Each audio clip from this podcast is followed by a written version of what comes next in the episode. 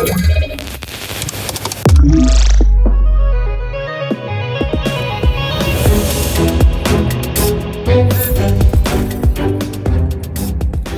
halo, to mówi Warszawa. Witamy Was w podcaście Fundacji Bezpieczna Cyberprzestrzeń, podcast Cyber Cyber.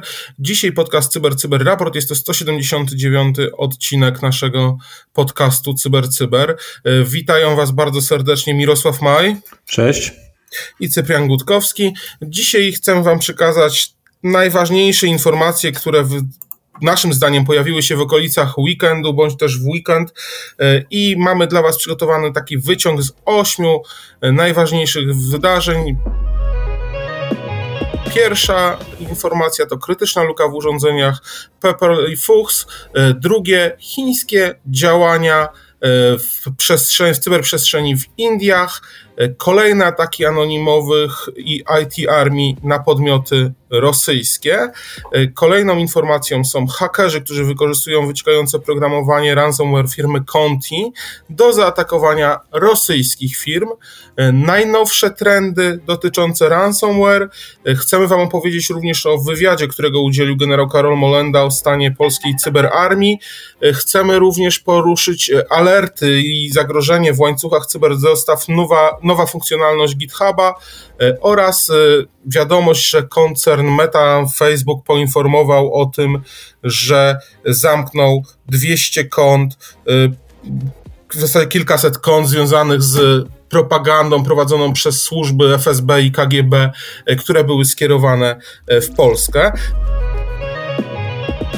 Na początek informacja o krytycznych lukach w, w i Fuchs, w produktach tej firmy. Chodzi tutaj dokładnie o router e, wireless hard działający w tym standardzie. O tyle to jest ważne, że standard e, wydaje mi się, że jest dosyć szeroko używany w infrastrukturze krytycznej, e, a firma również jest obecna w Polsce, dlatego zwracamy uwagę, spójrzcie na swoje rozwiązania, jeżeli posiadacie rozwiązania właśnie firmy Pepper i Fuchs 9,8 to jest ocena w skali CVSS, czyli absolutnie krytyczne, e, pozwalające na najróżniejsze wektory ataku związane z DDoS-em, wyświetlaniem e, nieautoryzowanych informacji e, i jeszcze wieloma innymi. Tam jest kilkanaście luk. Mówimy tutaj o najgroźniejszych, właśnie posiadają tak wysoką notę w tej skali. Jest też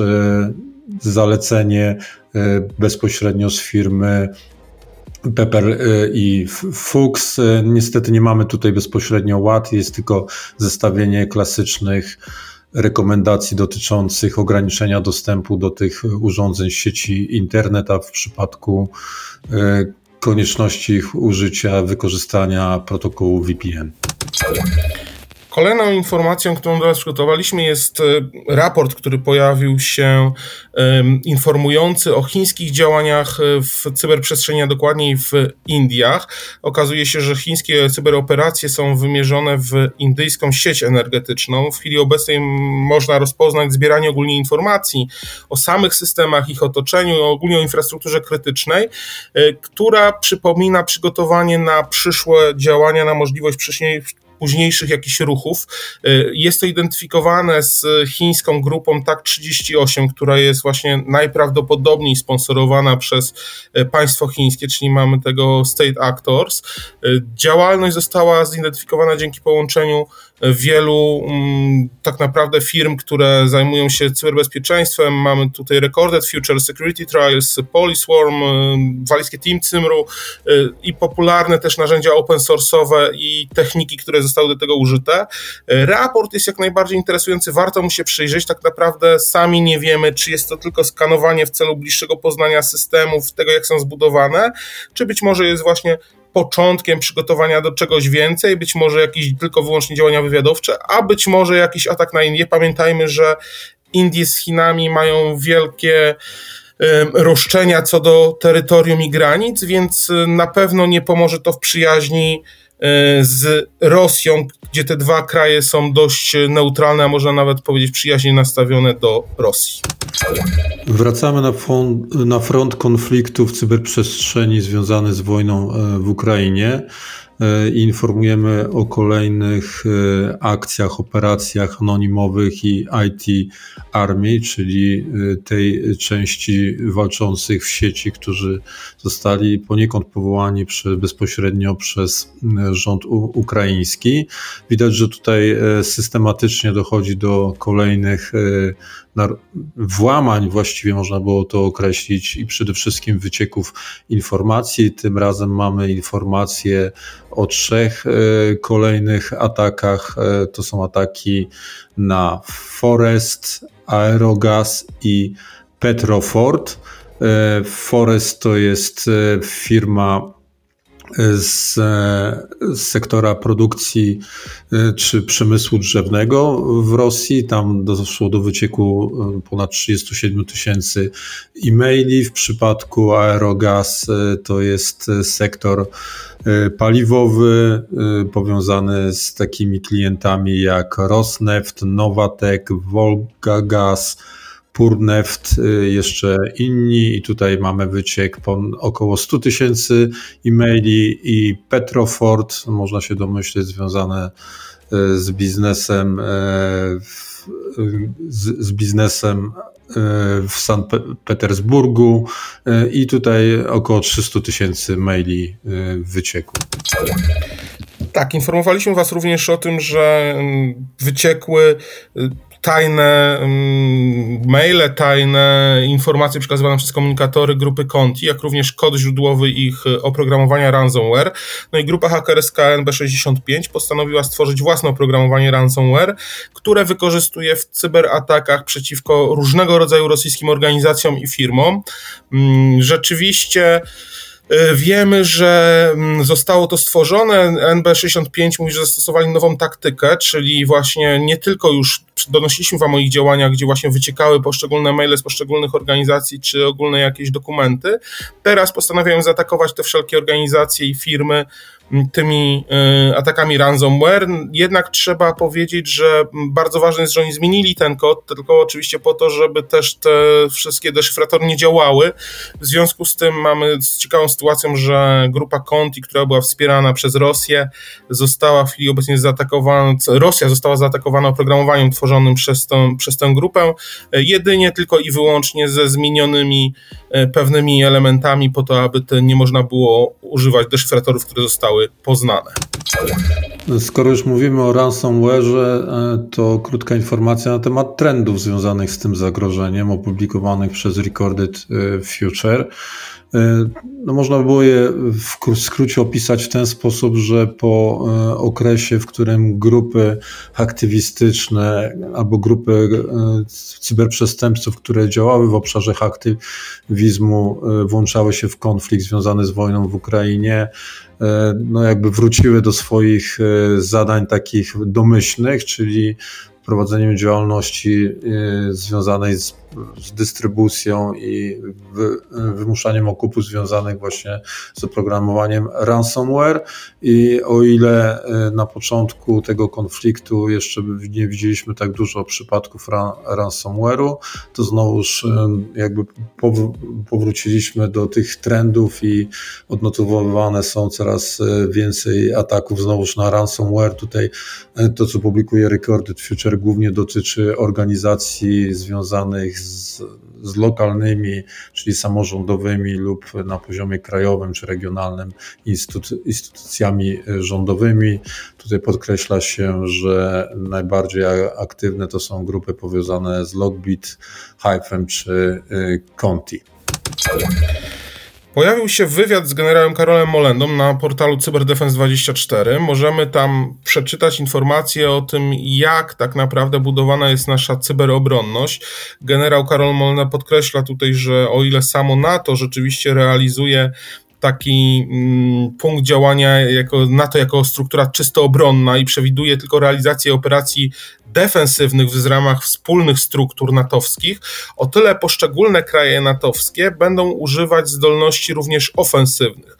I tutaj generał Molenda zdradza, że Polska stara się e, zbudować e, taki, taki system, właśnie w którym na, bazując na organizacji Stanów Zjednoczonych czy Wielkiej Brytanii, którym przewidywana jest możliwość prowadzenia operacji w pełnym spektrum, czyli zarówno tych defensywnych, jak i ofensywnych. Nie tylko wyłącznie sojusz te swoje możliwości obronne, tak również będzie wykorzystywana właśnie ta zdolność ofensywna. Oczywiście generał wspominał o całym szeregu związanych z tym problemów, jak i y, kluczowych czynników, także jak najbardziej polecamy cały wywiad z generałem Molendą o tym, aby dowiedzieć się o stanie polskiej cyberarmii i o jej zadaniach. Dependency Review GitHub Action to nowa funkcjonalność e, w chyba najbardziej popularnym e, miejscu składowania i zarządzania kodem, czyli w GitHubie. Informujemy nie tylko o zagrożeniach, ale również informujemy o tym, jak ich uniknąć. Stąd ta informacja. Bardzo ciekawa e, funkcjonalność zaproponowana przez GitHub.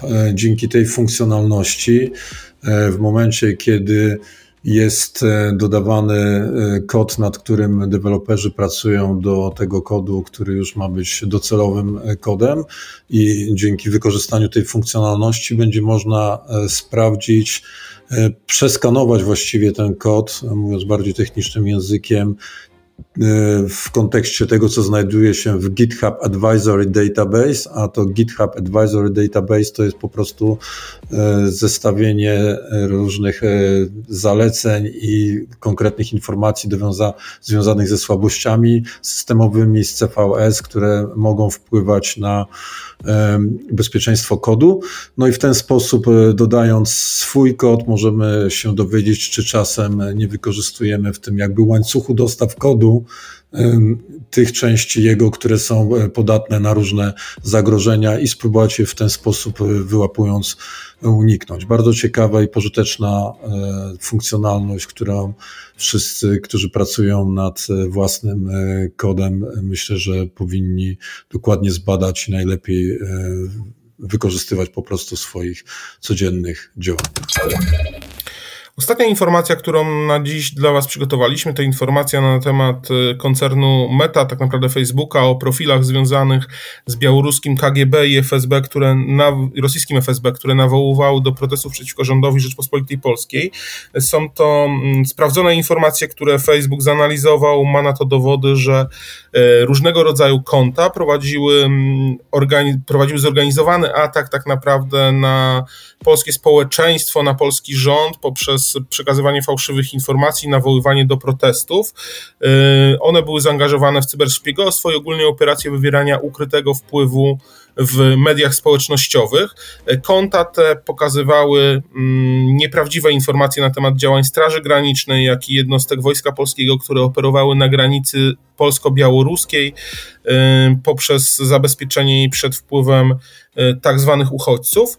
Y, dość ciekawe informacje pojawiają się w samym raporcie, ponieważ sam raport nie dotyczy tylko i wyłącznie tego jednego, mm, jednej kwestii, jak właśnie działania KGB czy FSB, ale znajdziecie tam wiele ciekawych informacji, więc jak najbardziej polecamy ten raport.